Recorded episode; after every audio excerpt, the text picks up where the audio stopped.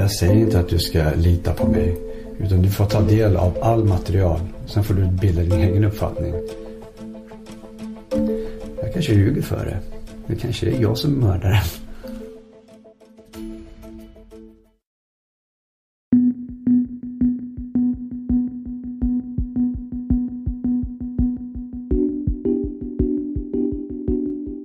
Klockan är halv tio den här morgonen, onsdagen den 21 maj 1986, när larmsamtalet kommer in till polisens radiocentral i Stockholm. Den ljusa pojkrösten låter samlad. Det hörs tydligt att det är på allvar. Jag har dödat min mamma.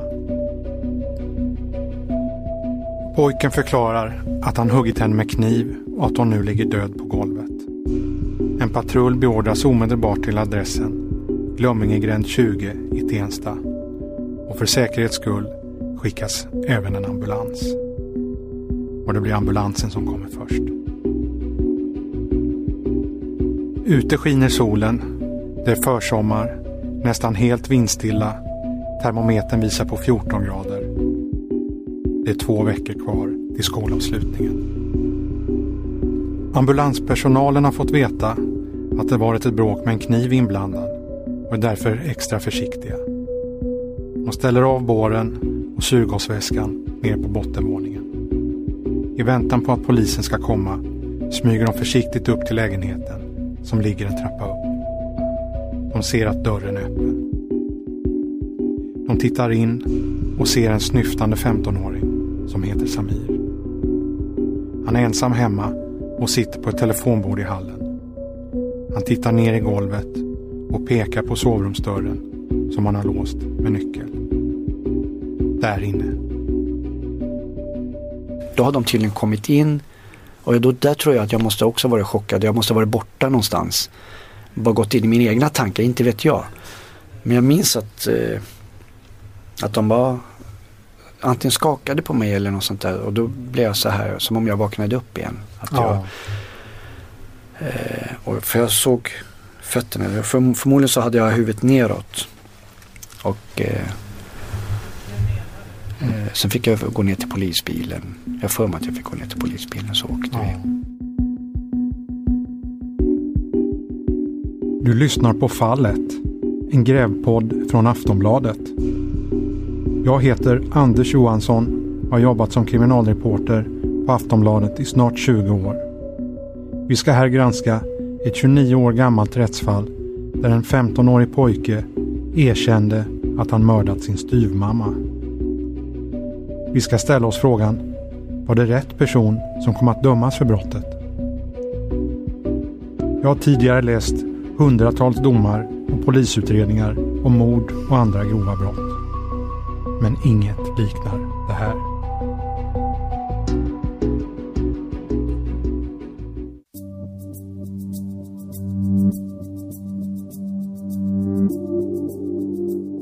I mitt jobb på Aftonbladet har jag fått åtskilliga samtal och brev från personer som hävdar att de är oskyldigt dömda. Men det är ytterst sällan som jag får möjlighet att ta upp sådana fall. Så gott som alltid beror det på att underlaget inte är tillräckligt. Det räcker ju inte att någon bara säger sig vara oskyldig. Det måste gå att visa också.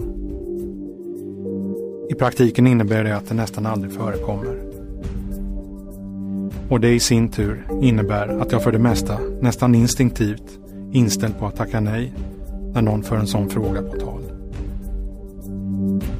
Lite så var det med det här fallet också. I jobbet ingår att ibland bevaka häktningsförhandlingar och rättegångar. Då träffar jag både åklagare och advokater som får ge sin syn på saken. Och det var vid ett sådant tillfälle som jag fick Samir-fallet mer eller mindre i knät. Jag pratade med advokat Sargon de Basso som har säkert besvärat vid olämpliga tidpunkter både en och två gånger under åren. Inte minst på grund av att han försvarat Sveriges mest kände skådespelare som på sin fritid ibland råkat hamna i del med rättvisan. Nu berättade advokaten att han precis åtagit sig ett resningsärende gällande en person som han ansåg var felaktigt dömd för mord. Han tyckte också att det var något som jag borde granska. Han provocerar mig lite grann också genom att lägga till. Om inte du är intresserad av att bedriva lite seriös kriminaljournalistik kanske du har någon hungrig kollega att rekommendera? Nej, nej, där fick gränsen gå. Inte lämnar jag ifrån mig en bra story utan att ha kollat den först, tänkte jag. Men ärligt talat hoppar jag kanske inte jämfota av entusiasm när han förklarade hur långt tillbaka i tiden fallet låg. Nästan 30 år. Hur som helst. Vi hade ett förutsättningslöst möte på advokatkontoret. Jag är fortfarande skeptisk. Men advokatens entusiasm är svår att skaka av sig. Men så har han också en alldeles speciell relation i det här fallet. Sargon de Basso förklarar. Hej! Halloj! Hej! Jag skulle träffa Sargon. Ja, absolut. Kom in. Eh, Min familj har samma kulturella bakgrund. Och man kan väl säga så här att eh, det som hände eh, spred sig väldigt fort i de kulturella kretsarna om jag säger så. Inom, inom, inom enklaven. Va? Enklaven kan du säga? Ja, alltså assyrisk-syrianska enklaven i, i Stockholmsområdet. Just. Eh, och den verklighet som fanns där och det, det här växte jag upp med. Jag ska säga det ärligen att 86 var jag i och för sig nio år gammal och hade växt upp större delen av mitt liv i Örebro. Så att jag hade personligen ingen anknytning till eh, det här. Men eh, djungeltrummorna gick och eh, ordet och ryktet på gatan var uteslutande ett och detsamma. Nämligen att det var pappan som var gärningsman och eh, Samir var högst oskyldig och ett barn som hade farit oerhört illa. Oerhört illa av en pappa som hade begått det här brottet, det fasansfulla brottet och ett rättssamhälle som har varit helt blint inför en verklighet som han har utsatts för. Va? Eh, och det, det, det här blev ju på något sätt, det spred sig i de här förortskretsarna och det blev på något sätt liksom en en urban legend skulle man kunna säga som nådde hela vägen från norrförorterna i Stockholm till Örebro där vi bodde. Va? Så att när jag växte upp någon gång på 80-90-talet så hade jag hört talas om det här fallet. Det fanns någonstans i bakhuvudet. Även om eh, de olika eh, personerna som är inblandade inte var någon konkret eh, person för mig. Men själva fallet, det fanns där i ryggmärgen. Jag hade hört talas om det. Det hade pratats om det vid middagsbordet. Och det var liksom ett rättsövergrepp. En 30 år gammal vandringssägen. Kan det verkligen vara något att börja gräva i? Hur som helst, en gnutta nyfikenhet var väckt. Jag bestämde mig för att se om det fanns ytterligare handlingar. Jag gick till polisens arkiv och begärde ut den så kallade slasken. Alltså allt det utredningsmaterial i ärendet som inte har använts. Någon vecka senare kunde jag hämta ut vartenda papper och luntan var nu kanske sammanlagt 10 cm tjock. Samtidigt närmade sig julhelgen med stormsteg. Men jag tog med mig luntan hem över helgerna och började plöja alltihopa, bit för bit, på lediga stunder.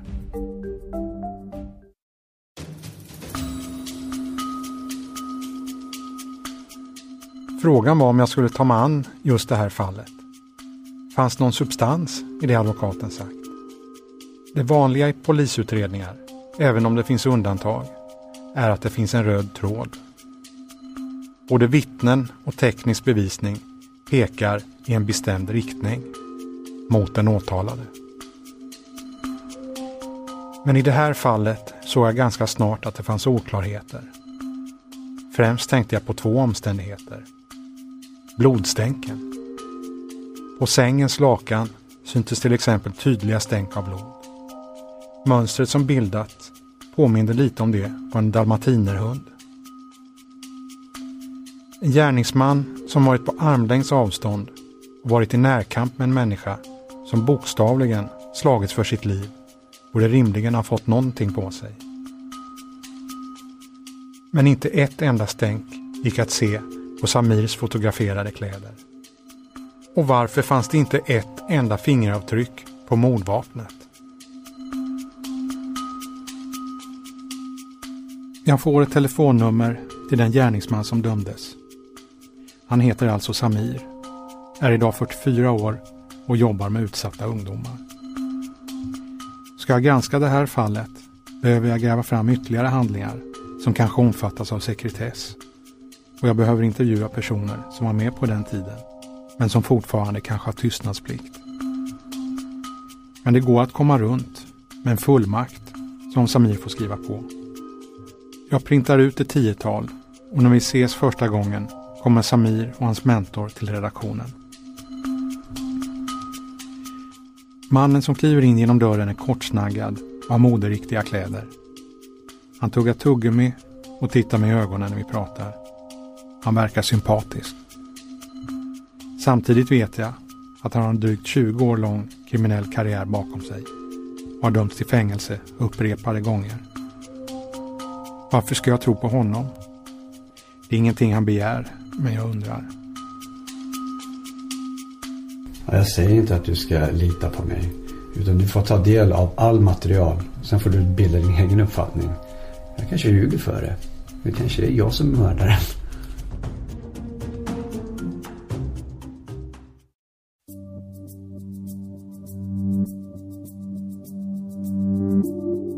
Jag försöker tänka på det Samir sa när jag går vidare. Han kanske är mördaren ändå. Jag måste bilda mig en egen uppfattning. Vad var det som hände egentligen den där dagen i maj för snart 30 år sedan? Vi vet att ambulansen kom först och en polispatrull anlände kort senare. De låste upp dörren till sovrummet. På golven invid sängen låg en kvinna, Samirs styvmamma, livlös på rygg med armarna över huvudet. Massor av tydliga sår efter knivhugg syntes över bröstkorgen. På sängen fanns flera pölar av blod, sammanlagt i storlek som ett örngott. Det syntes även massor av blodstänk på båda kuddarna som låg kvar vid huvudändan. Bredvid kroppen låg också mordvapnet, en morakniv av den största modellen, nära 30 centimeter lång. Ambulanspersonalen konstaterade säkra dödstecken och insåg genast att de inget kunde göra. Poliserna i radiobil 6120 fick ta över. Samir sa att han huggit ihjäl styrmamman. Att han blivit arg på henne efter att de grälat om en motocrosscykel. Han greps och fördes till kriminaljourens lokaler i polishuset på Kungsholmen där han upprepade sitt erkännande. Förundersökningen var klar redan efter fyra veckor, vilket måste vara något av ett rekord. Men så upplevdes ju också fallet som helt okomplicerat. Gärningsmannen hade ringt själv, varit ensam på brottsplatsen när polisen anlände och han erkände som sagt. Det blev åtal och rättegång. Sen dröjde det en tid. Samir fick dels genomgå en rättspsykiatrisk undersökning. Dels blev det sommar. Semestern kom emellan. Det var fotbolls-VM i Mexiko. Det var det året argentinaren Maradona vann nästan på egen hand. I oktober, bara fyra månader efter mordet, kom domen. Den var väldigt kort. Bara fem sidor. Domstolen hade inte tvivlat det minsta. Samir var skyldig.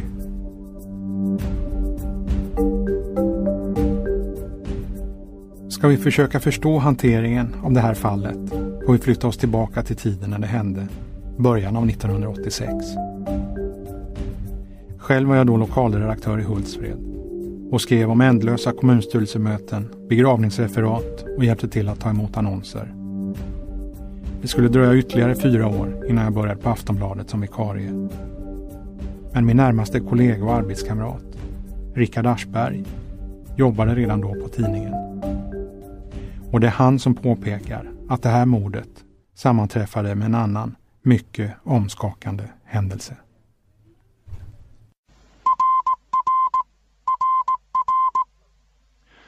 Sveriges statsminister Olof Palme är död. Han sköts ikväll i centrala Stockholm. En man i 35-årsåldern sköt statsministern med två skott i bröstet. I natt har polisen dragit samman alla tillgängliga resurser för att om möjligt få tag i gärningsmännen. Dådet i Tensta, där 15-årige Samir blev misstänkt, skedde alltså bara tre månader efter Palmemordet. Sverige var fortfarande i chock. Flera hundra poliser, hade styrts om från sina ordinarie uppgifter för att delta i jakten på statsministerns mördare. Den största mordutredningen i Sverige genom tiderna. Samtidigt blev annan polisverksamhet lidande. Eftersom de flesta poliserna på våldsroten togs i anspråk fick mordet konsekvenser för utredning och uppklaring av andra våldsbrott i Stockholm. Högarna av outredda anmälningar, de så kallade balanserna, bara växte och fler ärenden än vanligt lades ner utan någon åtgärd alls. Ett faktum som senare togs upp i den så kallade juristkommissionen. Poliserna som fick de andra morden att utreda var alltså hårt pressade och flera var orutinerade. Med tanke på hur kort tid utredningen tog undrar jag, hann de verkligen med att göra en ordentlig analys av den tekniska bevisningen? Stämde Samirs berättelse med fynden på brottsplatsen? Jag ringer upp Erik Rönnegård, pensionerad polischef. Han berättar lite om den kaotiska situationen som rådde inom polisen just den våren. Det var nog väldigt mycket rutiner som inte följdes. Tyvärr ja. tror jag att det var så alltså. Det var nog rena vilda västern när det gäller polisen. I övrigt också, just som du beskriver alltså. Det, det, det är nog sånt där som, vad var det, tre månader efter, det, det ja, det, det, det var, allting var upp och ner på något sätt ändå i, i polisorganisationen i Stockholm. För det var ju ingen struktur på själva eh, Palmeutredningen och, och, och eh, Holmér eh, centralstyrde eh, diktatoriskt eh, mot regelverk och konflikten med åklagarna och, och, och, Oh, nej, det, det, det, det togs väldigt mycket egendomliga beslut då. Så att, ja. det, det bidrog säkert till att eh, det blev så här ja. Eh, dåligt skött. Med tanke på den pensionerade polischefen Erik Rönnegårds ord måste man kanske fråga sig om den här utredningen indirekt blev påverkad av Palmemordet. Samir blev åtalad och eftersom han även blivit klassad som sinnessjuk dömdes han till sluten psykiatrisk vård. Och den här historien kunde ha varit över där. Men drygt ett och ett halvt år senare, januari 1988, tog fallet en helt ny vändning. Samir tog tillbaka sitt erkännande och sa att det i själva verket var hans pappa som utfört mordet. Samir sa att han tagit på sig skulden för att pappa inte skulle hamna i fängelse. Han sa också att både han och hans lillebror hade blivit vittnen. Nu ville han att sanningen skulle komma fram och att allt skulle ställas till rätta. Samtidigt spred sig berättelsen om händelsen. Det som advokat Sargon de Basso kallar en urban legend. Alltså en vandringssägen. Idag är Sargon de Basso 37 år. Han är framgångsrik, ett stjärnskott på Stockholms advokathimmel, delägare When you're ready to pop the question, the last thing you want to do is second guess the ring. At BlueNile.com you can design a one-of-a-kind ring with the ease and convenience of shopping online. Choose your diamond and setting. When you find the one, you'll get it delivered right to your door. Go to Bluenile.com and use promo code LISTEN to get $50 off your purchase of $500 or more. That's code LISTEN at Bluenile.com for $50 off your purchase. Bluenile.com code LISTEN. En egen byrå. Före dess jobbade han under tio år hos Peter Altin. En av landets främsta försvarsadvokater. Han jobbade på kontoret under tiden då Altin drev fallet Joy Rahman Hemvårdaren som dömdes till livstidsfängelse men som till sist fick en ny rättegång och friades efter åtta år bakom galler. Sargon Di Basso vet därför mer än väl hur svårt det är att få en dom uppriven. Men vet också att det inte är omöjligt. Tidigare har jag aldrig sett honom i något annat än eleganta kostymer.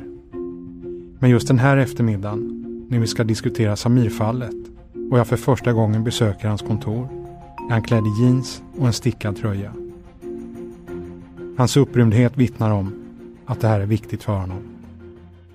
Alltså det, det är på det sättet att den här typen av uppdrag ger ju ingen ersättning eh, överhuvudtaget. Det är naturligtvis oerhört kostsamt för den enskilda personen att anlita en advokat som ska omkullkasta eh, en dom eh, som är lagakraftvunnen sedan 1986. Eh, så att jag skulle säga att de flesta resningsärenden med, med vissa undantag eh, drivs ju pro bono eh, från advokaters sida. I mitt fall så blev det, det var en självklarhet att jag skulle göra det. Eh, det snudd, snudd på en hederssak ska jag säga eh, i relation till den här killen. För att han har någonstans i mitt undermedvetna eh, funnits.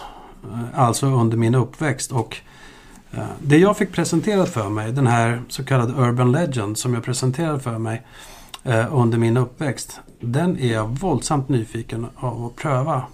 Det vill säga, stämmer det som ordet på gatan berättade hade hänt? Eller stämmer den verkligheten som domstolarna har fastslagit? Jag är oerhört nyfiken av att se vad är den materiella sanningen i det här fallet. Och jag är nu när jag har så att säga skrapat på ytan och suttit med olika personer och diskuterat och desikerat det här fallet så är jag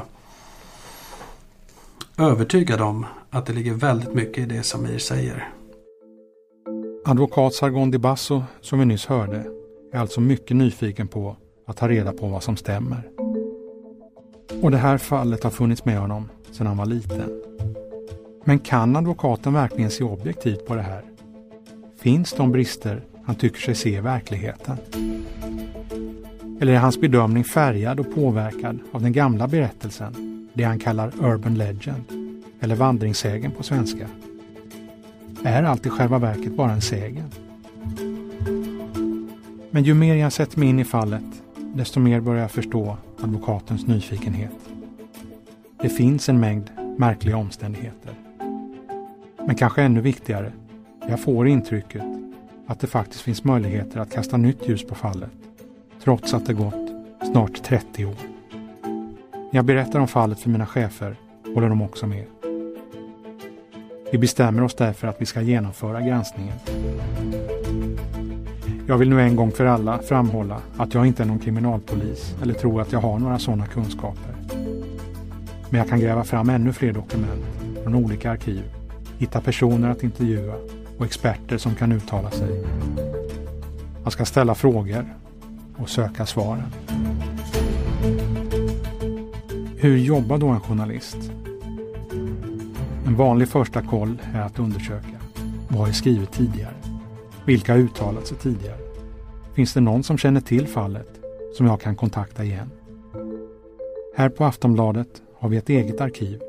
Det är lätt sökbart, elektroniskt tillbaka till 1990. Men det här hände ju 86 och då får man leta vidare i det som kallas det manuella arkivet. Det består av avfotograferade artiklar och så kallat mikrofiche. Jag ber vår arkivarie Roffe Ginman att kolla. Jag ber honom även söka i andra tidningar. Under tiden kontaktar jag också radioarkivet. Mordet kan ju ha nämnts på radio eller tv. Programförsäljningen David. Du, jag tänkte höra mig för om eh, ett eventuellt inslag om det har sänts. Det handlar om eh, ett mord som begicks den 21 maj 1986. Nej, ingenting i Riks i alla fall. Nej, okej. Nej, ingenting där heller. Jag får hjälp av ytterligare en kollega som då beger sig till KB, Kungliga biblioteket. Men det blir inga träffar där heller.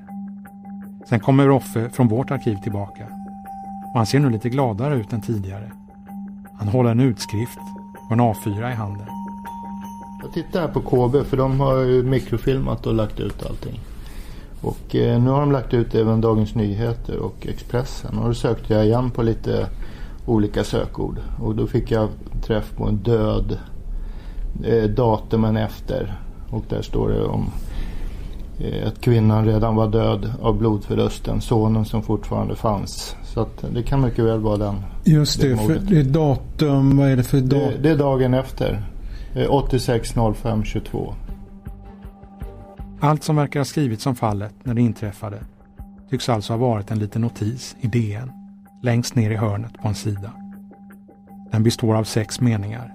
Jag får nöja mig med den 29 år gamla utredningen och de gamla svartvita fotografierna om brottsplatsen. Jag ringer en erfaren mordutredare i Stockholm och frågar om man kan tipsa om någon duktig tekniker som kan hjälpa mig att gå igenom bilderna. Jag får namnet Sonny Björk. Nyligen pensionerad kommissarie och kriminaltekniker och som arbetat med några av landets mest uppmärksammade mordfall. Däribland Lasermannen och polismorden i Malexander. Självklart. Honom borde jag tänkt på själv. Jag ringer Sonny Björk och han går med på att titta på ärendet. När så grova brott som mord ska utredas är det i regel en åklagare som blir ansvarig förundersökningsledare. Åklagaren arbetar då tillsammans med polisens utredare som är den som sköter det praktiska. Exempelvis håller förhör, ser till att det görs teknisk undersökning och sammanställer allt i ett förundersökningsprotokoll. Jag tänker att jag behöver försöka få tag i polisutredaren som höll i det här fallet. Jag vill höra vad han har för minnesbilder och vilka intryck han fick av den då 15-årige Samir. Lyckligt nog har han ett ovanligt namn, vilket underlättar när jag ska försöka hitta honom. När det gått så lång tid, som nära 30 år, finns det två kritiska faktorer. De som fanns i livet då kanske inte är det nu. Och det som var en del av arbetet då kanske inte är en del av minnet idag. Men jag har tur på båda de punkterna. I folkbokföringsregistret framgår att utredaren nu är 78 år och där finns även ett telefonnummer. Och han minns fallet. Polismannen som fick det här ärendet på morgonen den 21 maj 1986 heter Sune Klernäs. I arresten satt då redan en misstänkt gärningsman och väntade. Alltså 15-årige Samir. Sune Klernes berättar att han då tjänstgjorde tillfälligt inne på våldsroten i Stockholm och att det här blev hans både första och enda mordärende. Det var ju så här att jag var ju där eh, temporärt eftersom det var i samband med, med Palmemordet. Jag jobbade ju inte på våldsroten i, i vanliga fall. Nej. Så att eh, när eh, de månaderna jag var där, när de var slut så återgick jag ju till eh, mitt vanliga jobb. Eh, Ditt vanliga jobb, eh, vilket var det? Ja, jag var utredare på första polisen. Men där på ditt andra eh, utredningsarbete i Farsta, du jobbade även med mord där också? Nej, vi hade inga mord på den tiden där. Det, mord var, det var våldsroten på den tiden. Ja, ja. Nu, nu är det ju annorlunda, men det var det inte då. Nej. Nej, det var misshandel i första hand jag hade där. Ja. Då var det här eh, ditt första mordärende? Ja, ända. Utredaren Sune Klenäs, som vi nyss hörde, är pensionerad sedan länge. Men då, 1986, såg han fallet som solklart. Samir hade berättat att han högg 8-9 gånger och det var också det antal skador som ambulans och tekniker noterat. Han hade sagt att han huggit mot armarna och även mot benen. Det stämde också.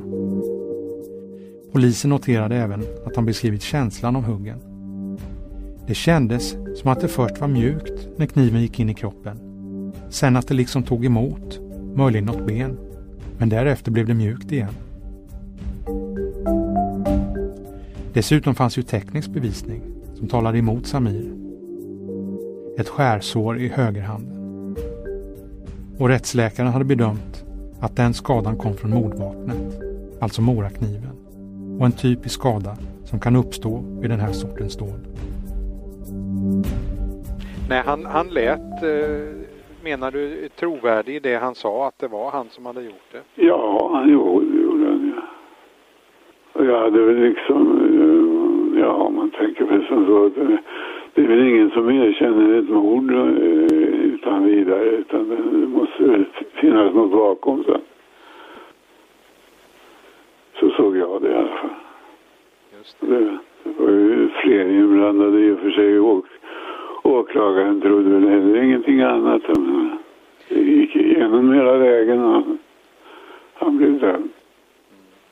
Men minns du att, du att du fick reda på att han ändrade sin version sen? Eh, ja, det fick jag ju reda på i och med att kollegan hörde av sig och sa att det skulle tas upp igen. Och då, det, då, då sa han ju att han hade en annan uppfattning. Eh, förlåt, nu hörde jag inte om... Han... Jo, han sa ju då att äh, killen hade tagit tillbaka det hela och att han då nekade och skyllde på pappa. Vad tänkte du om det? Tja. Det blev ju en ny utredning så jag hoppades på att det skulle visa sig vilket som var rätt. Så du gjorde ingen värdering där utan du hoppades att, att de riktiga förhållandena skulle komma fram? Ja. Och sen hörde inte jag något mer. Ja. Jag följde inte upp det. Så att det här var eh, mordärenden kan ju vara ganska komplicerade men i det här fallet så blev det ganska enkelt för er. Ja, det kan man väl säga. När Samir kommer till Långbro sjukhus tycker personalen att bilden av Samir inte riktigt stämmer. En av de som tvivlade var psykiater Per Henriksson. Det jag minns, alltså jag minns ju Samir väldigt väl och um, min upplevelse var att jag inte förstod, eller jag, alltså, man säger, intuition, eller så, så att det här stämmer inte ganska tidigt. Mm. Därför att jag upplevde inte att Samir hade några problem med att tygla aggressivitet och sådana saker. Um, Nej. Och uh, att han var en ganska vanlig kille och ganska, som jag upplevde det, ganska välintegrerad. Ja. Och um, sen så fick vi en, vi fick nog en eh, väldigt god kontakt av Samir. Det var ju till mig han kom och berättade att, uh, att det här inte stämde.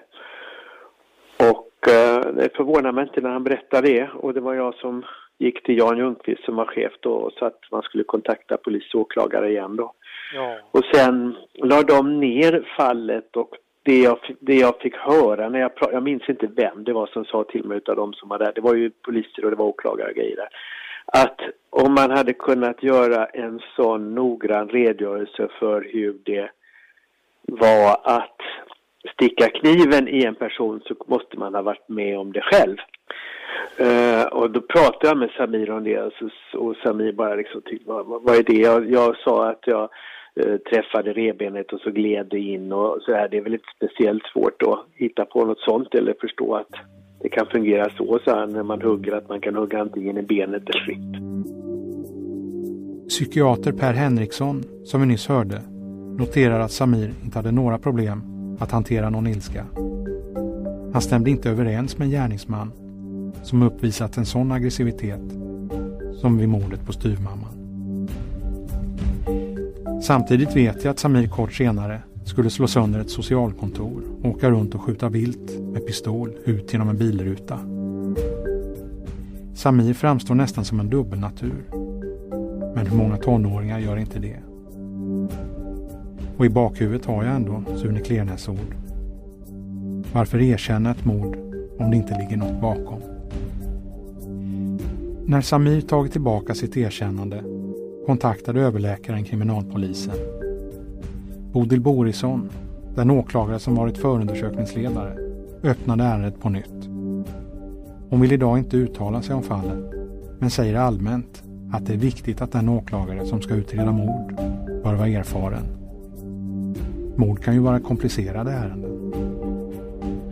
Men det är klart att man får inte handlägga mord om inte man har eh, erfarenhet och kapacitet för det. Det är ju chefsåklagarens ansvar. Ja, precis. Så att det, är ju, det är ju inga mål som man, eh, man, man ger till eh, oerfarna åklagare.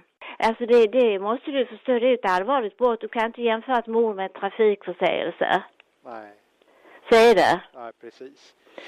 Och det är ju så att, uh, alltså, Eh, alla brott ska behandlas lika men det är klart att, att ett mord är ju ett mord och en våldtäkt är en våldtäkt och det kräver ju eh, utredning, speciell utredningsmetodik. Ja, precis. Och utredningarna ska ju vara robusta. Alternativa förklaringar ska ju utredas.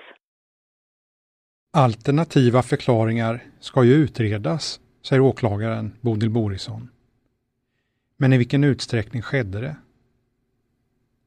Pappan, som var den enda utpekade alternative gärningsmannen, varför förhördes inte han? Och varför gjordes ingen ny analys av den tekniska bevisningen som hade säkrats?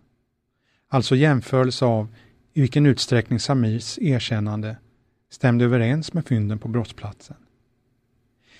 Och varför gjordes ingen rekonstruktion? Nu heller. Varför undersöktes inte om det fanns blod på kniven och vem det i så fall kom ifrån? Varför blev Samirs handskada inte fotograferad? Pappan avled 2009. Han var svårt sjuk i cancer.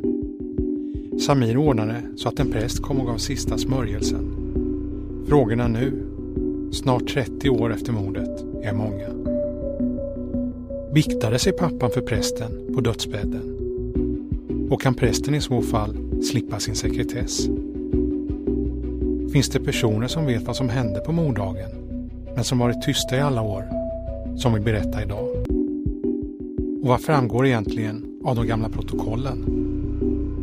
Tyder inte mycket på att mordet i själva verket skedde flera timmar innan Samir ringde larmsamtalet. Alltså medan pappa och lillebror fortfarande fanns kvar hemma. Eller är Samir mördaren trots allt? Jag kommer fortsätta söka efter svaren i nästa vecka av Fallet.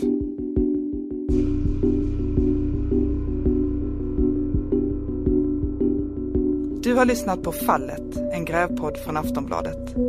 För mer information och extra material gå in på fallet.aftonbladet.se. Där kan du också höra av dig om du har uppgifter eller synpunkter du vill dela med dig av. Vill du diskutera i sociala medier, använd gärna hashtag fallet. Reporter och programledare Anders Johansson, producent är Patrik Syk.